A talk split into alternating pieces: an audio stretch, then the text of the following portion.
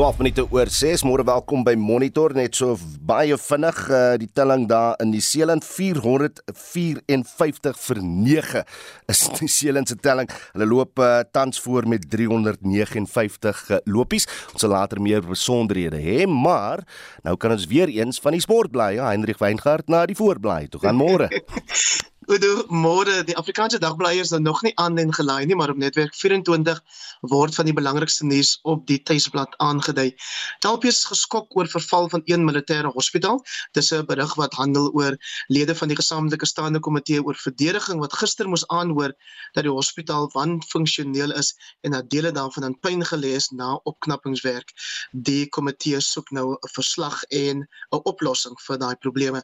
Dan nog 'n opskrif Zondo vra weer vir uitstel uh, en dit is na aanleiding daarvan dat adjunk hoofregter of waarnemende hoofregter Raymond Zondo na verwagting einde Februarie die derde en finale deel van sy verslag aan president Ramaphosa sou oorhandig maar nou sal hy slegs 'n deel of 'n gedeelte daarvan oorhandig so wat 1500 bladsye en hy vra dan nou verdere uitstel tot 30 April Buffelsport moordenaars vlug met drie selfone na hulle man doodskiet.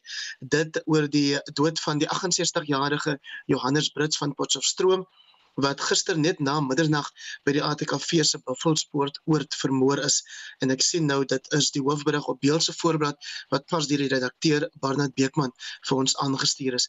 Op vryeweekblad.com kan uh, mens artikels lees daardeur die politieke ontleder Dr Piet Kroukamp hy skryf oor Julius Malema en Afriforum se hofsaak oor die uitspraak of die lid kill the boer of kiss the boer soos wat hy dit dan nou aangepas het. Hy reken die EFF leiers se verweer in hierdie haatspraaksaak het die integriteit van swart mense se re realiteit in Suid-Afrika. Terwyl Max de Pre meen president Cyril Ramaphosa het 'n eerste minister nodig wat kan regeer met hom wat die rigting aandui. En dan wat landbounuus betref, Landbou Weekblad berig dat die enorme groei in die bokvleis uitvoermark as 'n onontginde goudmyn vir formele en informele boere beskou kan word. Die uitwerking van die La Nina weerverskynsel op die komende winterseisoen en die geneeskrag en veerkragtigheid van grond word ook ondersoek. Gewilde hitsmerke op Twitter, Roots wat verband hou met die Malema Afriforum saak, uh Kempton Park, dit oor 'n video wat sou wys dat 'n polisievrou geld in Kempton Park van 'n buitelandse burger ontvang, dan ook Kies de Boer wat ook uh te doen het met die Afriforum en Malema hofsaak. De Klerk sluit ook daarbey aan, dis 'n ander hitsmerk en dan ook Prins Mashele dit is uh die politieke ontleder en hy word gekritiseer deur byvoorbeeld die voormalige minister van finansies Tito Mboweni oor 'n verbeter aanval wat hy wat Marcelle is op president Ramaphosa geloods het. Dit dan Hendrik Weingart met ons nuusoorseig. En dan 'n baie lekker SMS vraag Oudo vir 'n Vrydagoggend. 'n Suid-Afrikaanse egpaar se jenever maak nou wêreldwyd opslaan. Hulle gebruik olifantmis. Die mis word goed gewas want natuurlik waarna dit uitgedroog en in alkohol geweek word en hierna word dit by die jenever ingemeng om 'n unieke smaak eg aan die bosveld hmm. te skep. Ek sou dink dis uniek. Die produk is so gewild dat dit nou deesdae uitgevoer word na onder meer die FSA, Kanada, Duitsland en Japan. Ek moet sê my Franse vriende by die ambassade in Suid-Afrika is mal oor Suid-Afrikaanse jenever. Hulle drink altyd baie van 'n slip in my kop. Gaan hulle hierdie jenever drink? Ek ek wil nou jy's eintlik vir hulle gou-gou hierdie WhatsApp en hulle stuur. Ons gaan vanoggend by jou weet, drink jy jenever? Hou jy daarvan? Drink jy dit net in die somer? Party mense sê jenever is seisoengebonde. Dis hmm. eintlik 'n somerdrankie. En een van ons kollegas maak wonderlike jenever vir drankies want sy sit arbeye in en sy sit ek gaan nou vir jou sê wie dit is Oudo ek sien jy wil weet. Uh sy sit ook uh, komkommer in. Ons wil weet watter ander resepte het jy vir jenever? En wat se soort jenevers in Suid-Afrika het jy al geproe? Ons doen regtig, ons maak jenever van wêreldgehalte en ek praat nie net van die olifantmis een nie. Stuur vir ons 'n boodskap uh, na 45889. Dit is uh, ons SMS lyn. Jy kan vir dit kos R1.50 natuurlik, maar jy kan vir ons 'n stemnota WhatsApp na 0765366961. Ek herhaal daai nommer 0765366961 0891104561 of gaan na ons Monitor Spectrum Facebookblad. Ja, ek hoop hy mos word goed gewas. Suid-Afrika se swak wetgewing en maatreëls om geldwasery te bekamp en die finansiering van terreurgroepe te verhoed, kan hom ernstige sanksies op die hals haal. Die Finansiële Intelligensiesentrum waarsku dat die land nie voldoen aan 'n aantal streng standaarde van die Finansiële Aksietaakspan oftewel die FATF nie. Die FATF is 'n wêreldliggaam wat die stryd voer teen geldwasery en is ook 'n teenterrorisme finansieringswaghond. Die FATF en die Nasionale Tesourie van Suid-Afrika het die staande komitee oor finansies toegespreek. Annelien Moses doen verslag. Die FATF bestaan uit 29 lidlande wat 3 keer per jaar vergader. Die Mutual Evaluation Verslag is 'n assessering van die land se maatreëls om geldwasery hok te slaan en die finansiering van terreur en die verspreiding van oorlogswapens te stuit. Dit sluit 'n assessering van stappe wat gedoen is om risiko's van bekende terreurgroepe te bestuur. Suid-Afrika se laaste evaluering was in Oktober verlede jaar. Die adjunkdirekteur-generaal van die nasionale tesourie, Ismail Momoniat, we've been assessed on the immediate outcomes. We get moderate on eight of them and low on three of them. So that's pretty bad. It's like saying we've failed the entire test on all 11 points. And then when it comes to the 40 recommendations, you'll find that, again, in most of them are largely compliant. There's minor shortcomings. And many 15 of them are partially compliant so there's moderate shortcomings. When fatah says moderate it means it's not a good sign. And we're only compliant on 3 and non-compliant on 5 Pieter Schmidt van die Finansiële Intelligensie Sentrum sê die kritiek teen Suid-Afrika gaan nie oor 'n gebrek aan 'n stelsel nie, maar dat die bestaande stelsel nie geteken word nie en op risiko's gebaseer is. Daar is ook gapings in wetgewing wat nie tred hou met die ewigdurende verandering van die FATF se standaarde nie. A very important aspect of our system, which is, requires very, very urgent, significant attention, is on the beneficial ownership of companies. People that use companies or set up trusts and work from behind those companies and trusts to, uh, to do business with our financial system, but without the bank or the, financial institution really knowing who's behind the company. Smit sê een van die gevalle waar Suid-Afrika 'n gemiddelde punt gekry het, is die wyse waarop hy internasionale samewerking verkry het om oorgrense geldwasery te bekamp.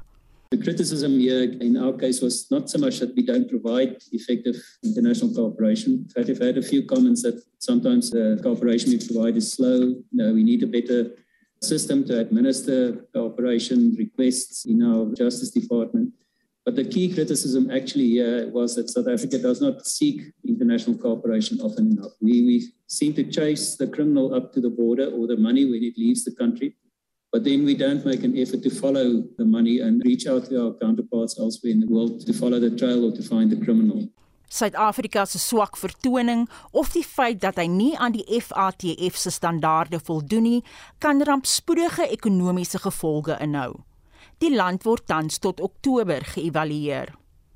Die Finansiële Intelligensiesentrum sê die FATF het aan die minister van Finansies geskryf en indringend versoek dat die land sy strategiese tekortkominge oplos. The results are devastating to the economies of those jurisdictions that are in there.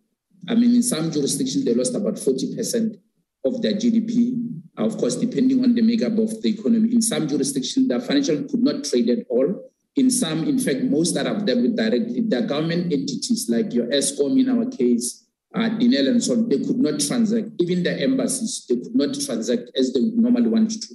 Mamonia het sê die tesourie sal binnekort wetgewende veranderinge by die parlement indien in 'n poging om die gebreke te herstel.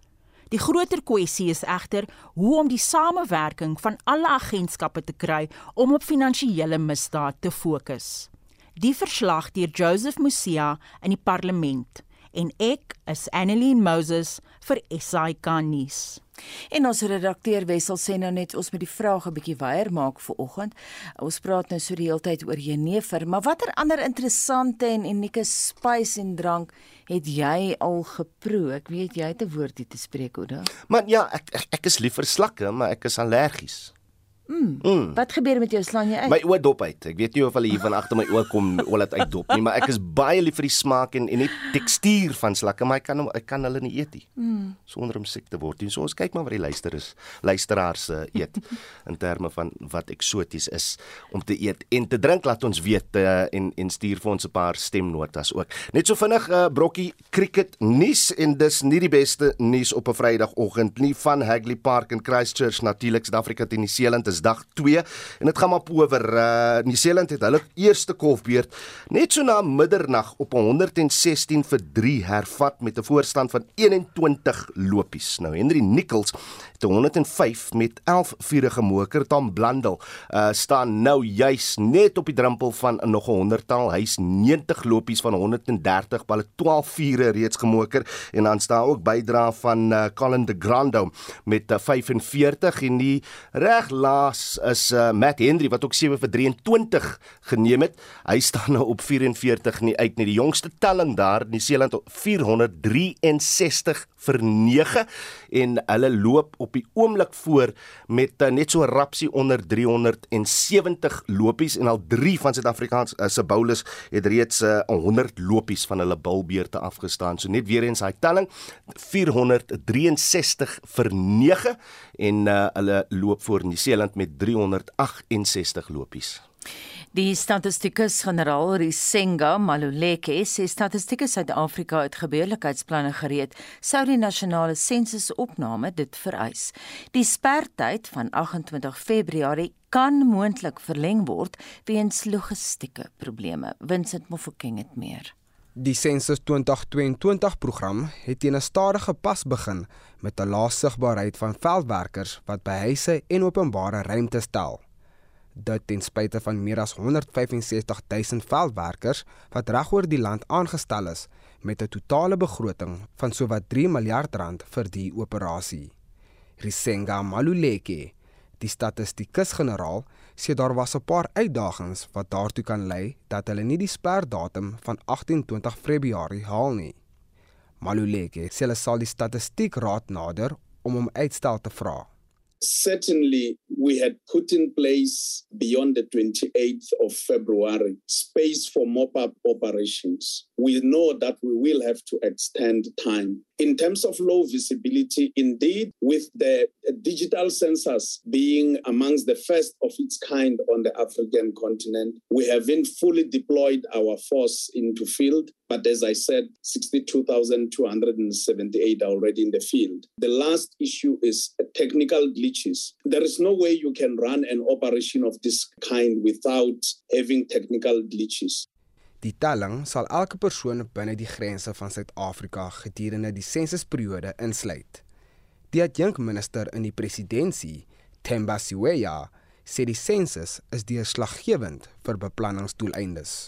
Everybody in the borders of South Africa needs to be counted. This they have done from the census night on the 2nd of February. If you'd remember, there was a census night launch where we went to OR Tambo International so that those who are commuting in and outside the country, they can also be counted. If you're in South Africa, it does not matter of your race, your nationality, legality, or whatever status. As long as you're a human being and you're in the borders of South Africa, as of the census night, they are going to come and count you. The process is underway. Nosipo Chabalala verteenwoordig die Suid-Afrikaanse Vereniging vir Plaaslike Regerings, oftewel SALGA. Sy sê die verskaffing van akkurate inligting aan die veldwerkers tydens die sensus bly noodsaaklik, aangesien die inligting 'n deurslaggewende rol speel in doeltreffende diensleweringsplanne. In isiZulu they say walala wasala. Knows you lose. Uh, the decisions that are going to be made for service delivery and so on and so forth for the next decade and also in the future are going to be based on the answers that you are going to give as the citizens of the country. So your confidentiality is guaranteed. Please participate. Die Census 2022 program sou op die 28ste van hierdie maand eindig, maar sal waarskynlik verleng word. Die verslag deur Faniel Shuma. Ek as Vincent Mufokeng vir SAI kan nuus.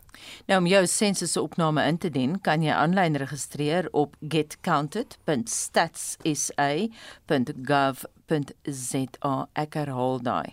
Get counted, dis een woord. .stats sa so daar's 'n dubbel s daar in die middel. .gov.za. getcounted.statsa.gov.za of jy kan 'n tolvrye nommer bel 0800 110 248 en ek herhaal daai nommer 0800 110 248 Reg, watse interessante en unieke spys en drank het uh, ons luisteraars geproe, Marlenae? Ons vra nou hierdie vraag na aanleiding van 'n Suid-Afrikaanse egpaar se jenever wat opslaa maak omdat hulle olifant misgebruik om net daai botaniese Afrika geur in die drankie in te bring. Um op die SMS lyne skryf kyk ek moet ek moet nou eers vir jou sê, ons moet hierdie gesprek begin met mense se reaksie op Facebook. Hulle praat nie noodwendig op hierdie stadium saam oor wat se vreemde goed hulle al geëet of gedrink het nie, maar as baie mense wat glad nie kan sien daarvoor om hierdie jenever te proe nie. Oh, as jy hom net mooi was, dan is hy natuurlik net plantvesel. Ja ja, en as jy gaan kyk na die proses, dis mm. eintlik dis eintlik dit lyk maar net soos gras. Yeah. Ek sal 'n bietjie kyk of ek iets van ons kan kry vir Facebook, maar Frederik Hegter sê op Facebook hy het dit gekoop en hy skryf is baie lekker en dit ruik en dit smaak soos lemoen vir hom. So mm. hy dink dit is 'n uh, goeie plan. En dan Angela Lawrence ken ook die betrokke drankie en sê daar op Facebook gee hy so 'n bietjie geskiedenis daar en praat oor hoe die geld wat nou gemaak word deur hierdie jenever gebruik word vir olifantbewaring. Ehm um, wat vreemde goederes betref sê Johan Jansen van Vierenwel as die Indonesiese mense koffie vir ons kan gee wat deur Asiatiese, hy skryf in Engels palm civet se maag fermenteer kan verkoop, dan kan ons ook maar 'n bietjie jenever maak met die olifant se mm. nommer 2. Dis so skryf hy. Baie goeie punt wat hy maak. En dan ook op die WhatsApp lyn 'n Engelse luisteraar wat saam gesels, die skryf daar sea urchins is the most exotic taste I've experienced. It's a delicate yellow flesh that definitely should be tried. So aanleiding van hierdie unieke jenever wat uh, opslaa maak internasionaal. Ons wil weet wat se vreemde goeders het jy nou al gedrink? Wat se vreemde goed het jy nou al geëet?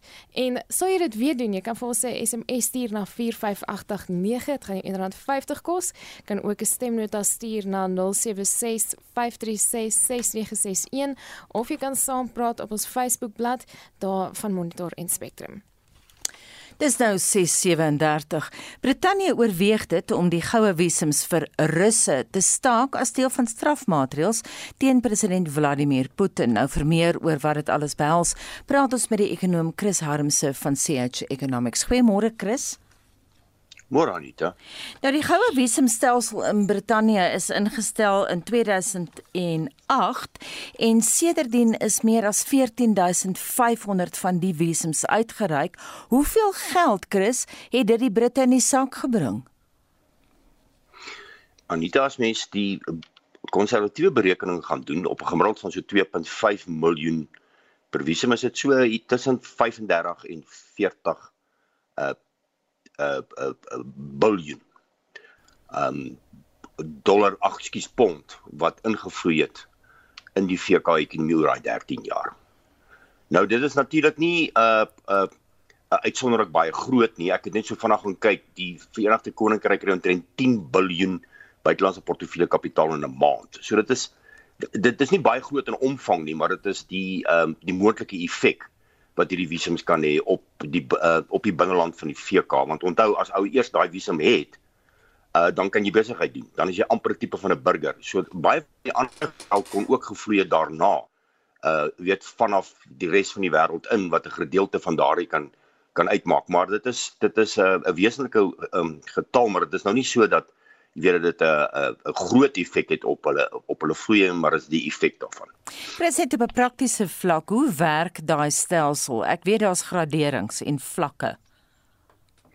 Ja, daar is vlakke. Hier is die sogenaamde eerste vlak, die sogenaamde goue vlak uh van 'n beleggingsvisum wat jy koop Nou dit lyk vir my so as jy ehm um, hierdie visum koop, kan jy uh vir vir vir 2 miljoen pond kan jy binne 5 jaar 'n sogenaamde verblyfreg kry. Maar jy kan hom natuurlik uh vinniger doen. As jy 5 miljoen gee, dan kan jy dit kry binne uh 3 jaar en as jy 10 miljoen uh pond belê, dan kan jy dit so vinnig kry as 2 jaar. So dis verskillende vlakke, beleggingsvlakke, maar dis die sogenaamde goue vlak. Dit lyk vir my dit is een van die vinnigste maniere hoe jy dan natuurlik nou verblyfstatus kan kry binne in Brittanje. Christie Russiese Britse burgers het 'n hoë profiel. Helaas word hulle nuwe ryk name dikwels gekoppel aan vulgariteit en oordadigheid. Ek verwys nou spesifiek na The Guardian wat verwys het na hulle vulgariteit, die nuwe geld, oordadigheid, jy weet. Dink jy die Britte sou die stap geneem het as dit nie was vir die Oekraïne situasie nie? Anita dink tog so. Hulle praat al van 2020 hierdie ehm um, Britse parlement al begin uh, geleide maak hieroor. Maar ek dink hierdie is net versnel want hulle vra hulle soek veral 'n ondersoek na 700 van hierdie Russiese miljonêers wat hierdie visum se kry tussen 2008 en 2015 en daar is sprake soos jy sê dat daai geld is op baie onwettige maniere mm. ingebring mm. en op baie onwettige maniere aangewend. So dit is 'n dis 'n ding wat nou al lank al by die VK ehm uh, spook en van die by die ehm um, ehm um, die by die uh, persone in die parlement uh, en want hulle reken hulle voldoeningsvereistes laat veel te wense oor en dit was te maklik vir kom ek sê in aanhalingstekens onwettige gewaste geld om die VK in te kom. Ek dink hierdie ding in Oekraïne het die ding net versnel uh, en dit natuurlik nou vir die parlement en die oppositie mense in die parlement natuurlik skiet goed gegee om so vinnig as moontlik druk uit te oefen op uh, mevrou Patel, die minister van binnelandse sake en dit lyk vir my asof dit van onmiddellik van krag is dat hulle hierdie uh, visum skrap. Baie dankie en so sê Chris Harmse van CH Economics. Ons bly by internasionale nuus en twee uitsonderlike nuus gebeure het Latyns-Amerikaners die week behoorlik aan die praat gekry. Die een is die noodtoestand wat in Chile aangekondig is en die ander is die arrestasie van 'n voormalige president van Honduras op aanklagte van dwelmsmokkelary. Anita doen verslag. 700 Chileense soldate is van dese week na hulle land se noordelike Antofagasta streek gestuur om 'n noodtoestand daaraf te dwing. Die kruks van die probleem is onwettige Venezuelane wat amok maak onder vragmotorbestuurders.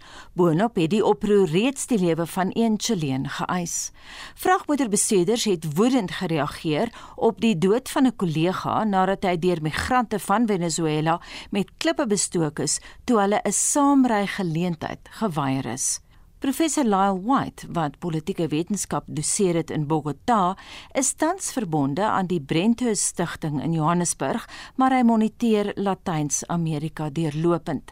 Hy het gister die konteks van die probleme in Chile se Arica en Antofagasta streke vir Monitor geskets. Many of the Venezuelans have fled to Chile over the last 5 to 6 years. The numbers of Venezuelan migrants in Chile exceed now 500,000 and we've seen this actually coming to a head in the northern parts of Chile. Antofagasta, which is one of the northernmost areas in Chile, is confronted now with an influx of migrants that are competing for Chilean jobs.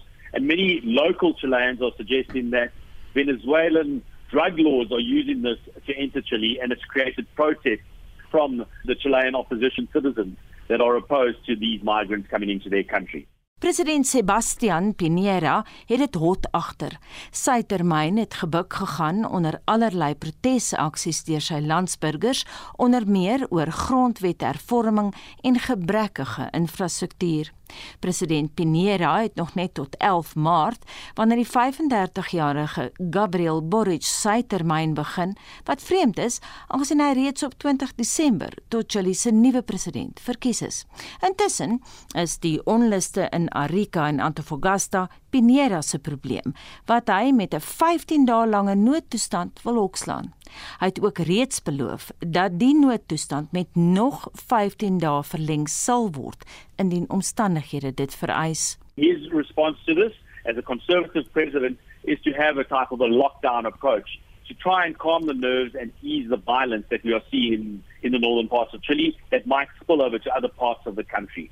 Is it a wise choice? Well, only time will tell, but there are challenges with the rule of law at the moment, especially in those parts of Chile which are quite far removed from the center in Santiago. And we know that Chile, the long, thin country with a like a dagger pointing towards Antarctica, is quite remote in the northern part. So this is probably the response and the most logical response for a president governing such a vast territory at such a distance. You know, obviously Antofagasta is a few thousand kilometers from Santiago itself. Die Chileense president het intussen ook met 17 vervoervakbonde vergader om die roete wat van Bolivia deur Chili se Atacama woestyn strek te beveilig. Argentinië en Brasilië loop ook deur onder 'n toestroming van Venezuelane, maar hulle bestuur dit beter. They have managed this more carefully. They've got larger territories which they've opened up. And maybe with the downswing in the economy in Chile, this has brought a lot of this to a head. You must also remember that Chile was one of the most liberal countries in terms of receiving migrants from Venezuela at the time, opening up its doors. Venezuela is not on the doorstep of Chile, but it was quite easy for Venezuelans to access Chile if you went via one of the other Andean countries like Colombia or Peru. Die gebeure in Chili is egter nie die enigste drama wat Latyns-Amerika die week in die wêreld kollig plaas nie. Honduras se voormalige president Juan Hernandez is Woensdag in die land se hoofstad Tegucigalpa gearresteer op aanklagte van dwelmsmokkelary. The US were asking for him to be extradited which prompted his arrest just this week on Wednesday. And what we see now is that he is going to be standing trial on drug trafficking and weapons charges. He has appeared in court already in Honduras. The allegations and charges against him are quite severe. President Hernandez has denied these charges, suggesting at first, because this is after years of investigation and suggestions that he was embroiled in drug trafficking syndicates across Latin America. He has denied this, suggesting that some of the drug kingpins that have been arrested in the United States are using this to minimize their time in prison and their charges, so to try and buy their way out of it. Hernandez is egter nie die enigste Latyns-Amerikaanse staatshoof wie se naam gekoppel word aan dwelmbedrywighede nie. Panama se diktator Manuel Noriega is in 1988 deur Amerikaanse federale howe in Florida en Tampa skuldig bevind aan dwelmsmokkelary en geldwasery. Hy is tot 40 jaar tronkstraf gevonnis waarvan hy 17 jaar uitgedien het. Een van Bolivia se oud-president Jaime Paz Zamora se amptenare met wie hy ten nouste saamgewerk het, was Oscar Eat, wat ook 4 jaar tronkstraf uitgedien het weens dwelmsmokkelary. Maar vir nou is die aandag op Honduras se oud-president Juan Hernandez. The former president Hernandez was one of the close allies of the United States, especially under the leadership of Donald Trump. And he was at the helm in Honduras for over 10 years. So this was a massive period that he was governing over that country. And the allegations, as I said, are pretty large, with over 500,000 kilograms of cocaine that have been transported through Honduras and Central America during that period of time. En dit dan die professor Lyle White tans verbonde aan die Brente Stichting in Johannesburg en Anita het daardie onderhoud met hom gevoer. Ons kom dan nuus op uh, tuisbodem om va van tuisbodem en ons praat 'n bietjie oor die Voortrekker Monument en die landbouorganisasie TLUSA het bome by die monument geplant vir al die slagoffers van landelike geweld. Ons praat nou met die besturende direkteur van TLUSA Benny van Sail. Benny, môre, welkom by Monitor. Goeiemôre Oudo, baie dankie. Deel net bietjie as ons nou hier begin gesels oor die slagoffers van landelike geweld. Deel net bietjie met ons die statistieke wat voor jou uh oë is. Weet jy ons het van 1990, Januarie 1990 hou Tele Suid-Afrika statistiek by. En dit is so konservatief en dis die getalle wat ons dan nou maar van kan rekenskap gee, so dit gaan meer wees. Maar ons het sedert daai tyd tot nou einde Januarie het ons 6015 plaas aanvalle gehad en dan het ons so 2171 mense wat vermoor het. Dit sluit nou in die boer, sy vrou, gaste, maar ook plaaswerkers. Hoekom het julle besluit dan om om bome te plant? Die die die, die Voortrekker Monument is 'n erfenisgebied, is iets spesiaals waar hulle dan ook in in hulle trekroete tuin die hele groot trek uitgelê het. 'n Pragtige ding, die mense kan gerus gaan kyk. En daar het hulle dan ook die Bloukrans en moord se monumentie en er weer by replika gemaak. En ons het met hulle in gesprek getree, samewerkingsooreenkomste gesluit en dit ons besluit ons gaan saam daar 'n boomplant tussen die Voortdekkingsmoment Erfenis Stichting en TLI Suid-Afrika om dan ook 'n lewendige simbool te wees wat ons sê ten spyte van al hierdie landelike veiligheidsprobleme. Hmm. Kom ons skep hoop. Kom ons gee 'n bietjie die beginsel van groei vir die toekoms, jy weet. En ons wil dit aansluit met die geskiedenis want ek dink die Broukransmoorde was die eerste groot en wat ek amper sê groot moordpoging in ons land waar daar meer as 500 mense in die nag van 16 17 Februarie in 1838 vermoor is. En ons wil aansluiting met die geskiedenis vind om dan ook te sê man ons het vasberadenheid vir die toekoms en ons bou dit op ons geloofsbegronding om dan ook vir die toekoms te sê ons stap die pad konstruktief en hierdie boom moet vir ons versinne beeld 'n boom van lewendige hoop vir die toekoms. As dit die beeld moet wees vir alle Suid-Afrikaners, hoekom plant julle dan die, die bome juis by die Voortrekker Monument? Omdat dit deel van ons kultuur is en nie net vir dit ons kultuur is, het elke volk ook sy eie kultuur want as ons mooi gaan terugkyk, dan het elke volk sy eie kultuur erfenis, sy eie gebruike en sy eie gewoontes. En dit is wat jy vir die jeug van elke volk sy ankers gee om homself te kan wees, om trots vorentoe te beer, om as ook in sy volksverband 'n Suid-Afrikaner te wees om 'n verskil te maak. En ek dink dit is belangrik dat ons nooit ons erfenis moet verloor nie. En daarom het ons uit ons verband uit teruggegaan na ons kultuurtuiste toe. Want die voortrekkermoment is ons sin, ons is trots daarop. Soos ons nie elke ander volk moet ook trots wees op dit wat sy eie is. En daarom het ons dit so gekies. Benit, uh, sê my tel USA, waarmee is julle deesdae bedrywig om te help uh, uh plaasmoorde en plaasaanvalle te bekamp? Dit bly vir ons 'n uitdaging. Ons is ook saam met baie ander organisasies deurlopend besig om ons mense beter op te lei, beter planne te maak. Ons het 'n landelike veiligheidsplan. Ons werk nou saam met die polisie. Ek moet sê waar ons kan. Ongelukkig is dit baie plekke nie altyd moontlik nie. Is hartseer. Ons polisie is nie altyd bemagtig nie. Hulle het nie altyd die toerusting nie. Is hartseer. Ons beleef ook nie by die politieke kant die politieke wil om hierdie goed aan te spreek nie. En daarom het ons besef ons veiligheid lê in ons eie hande. En daarom het ons dan kollektief begin sê kom ons kyk na mekaar en dit is daai landelike veiligheidsplanne wat ons uitrol waar ons plaaspatrollies doen kommunikasiestelsels en noodhulp brandbestryding al daai goed doen ons opleiding in maar ook ander organisasies en ons vat graag hande. En ons is baie dankbaar vir almal wat hier 'n bydrae maak dat ons in die landelike gemeenskap ook stabiliteit kan kry. Want op die einde van die dag is dit voedselsekerheid waarvan ons hier praat maar nog meer belangrik mense se lewens. En dan uh, Benny, ek, ek is seker dit nou daar 'n bietjie daaraan geraak, maar daar is ook 'n bord onthul in die uh, trekroete tuin. Wat is die uh, simboliek agter daai uh, daai bord? In die trekroete tuin het jy die bord onthul wat ons eers geplaas het gesê het dit ons het hierdie boom onthul of geplant vir hierdie doel wat ons nou klaar gesê het, maar die bord wat ons onthul het en met die name op vir die eerste keer van daardie mense wat by Bloukrans dan vermoor was. Meer as 500 mense.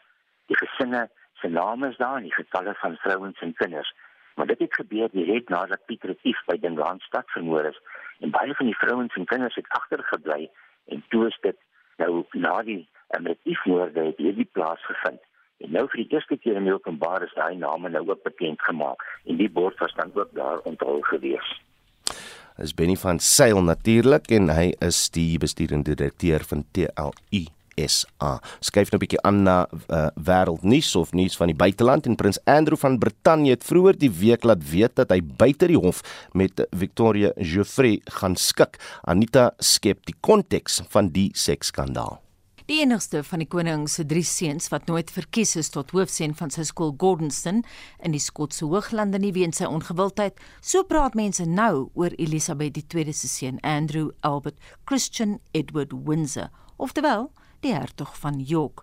Die staatsvaders van die einste York wil nou hê Andrew moet die titel laat staan want hy is vir hulle 'n verleentheid. Andrew het reeds talle van sy titels en posisies prysgegee na die seksskandaal rakend Virginia Jeffrey en Viola Jeffrey Epstein. Ook 'n rolspeler in die ongure drama is Ghislaine Maxwell, dogter van die vulgêre en flamboyante mediamagnaat Robert, wat op 5 November 1991 onder vreemde omstandighede van sy seiljag Lady Ghislaine by die Spaanse Kanarie-eilandgroep verdwyn het. Die Britse Guardian het destyds verwys na sy en ek haal aan murky life and death. Sy dogter Ghislaine het 'n soortgelyke flamboyante lewe gelei. Intussen het prins Andrew, wie voortaan nie meer aangespreek sal word as sy hoogheid nie, alhoewel hy die titel tegnies behou, ontken dat hy 'n nabye vriend van Ghislaine en Jeffrey was. 'n Vreemde uitlating, gegeewe fotos wat by Balmoral, die Windsors se vakansiebestemming in Skotland geneem is.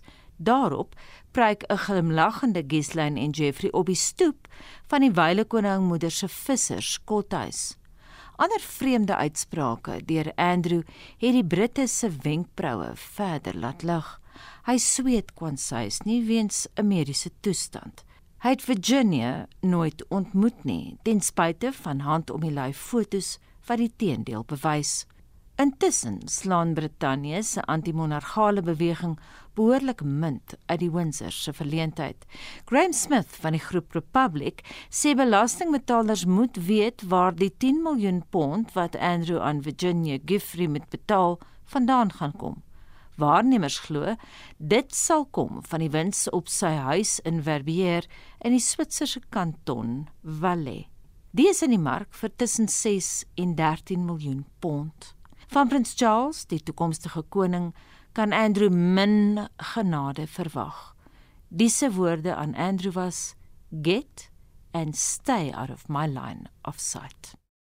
Reg so vinnige cricket brokkie in Suid-Afrika is nou uiteindelik weer aan die kolf nadat hulle uh die, die seeland vir 482 lopies uh uitgebou het. Uh, al 10 paadjies nou uiteindelik laat kantel. Henry Nichols het 105 aangeteken, Tom Blandel, hy's 4 kort van 'n 100tal, 96 lopies het hy gekry.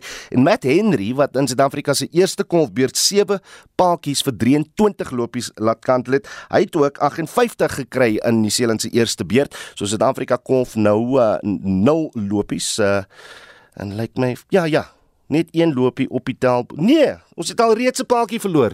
My liewe aarde, kyk nou net na die telling.